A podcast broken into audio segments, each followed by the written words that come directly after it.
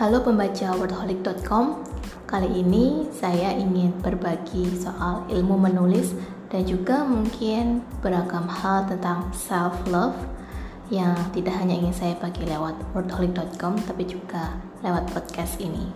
Iseng-iseng aja sih, semoga bermanfaat.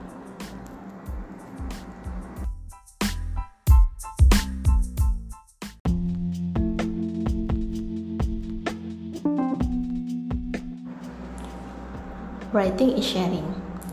Itulah sebabnya mengapa saya sangat suka menulis. Lewat tulisan, saya bisa berbagi ide, opini, dan juga mungkin hal-hal unik yang menggelitik di pikiran saya dan harus saya tuangkan. Jika ide atau opini tersebut tidak saya keluarkan, mungkin hal itu akan mengganggu saya sepanjang hari, membuat saya sulit tidur. Sehingga dengan menulis, saya bisa sedikitnya melepaskan keluh kesah yang ada di pikiran saya.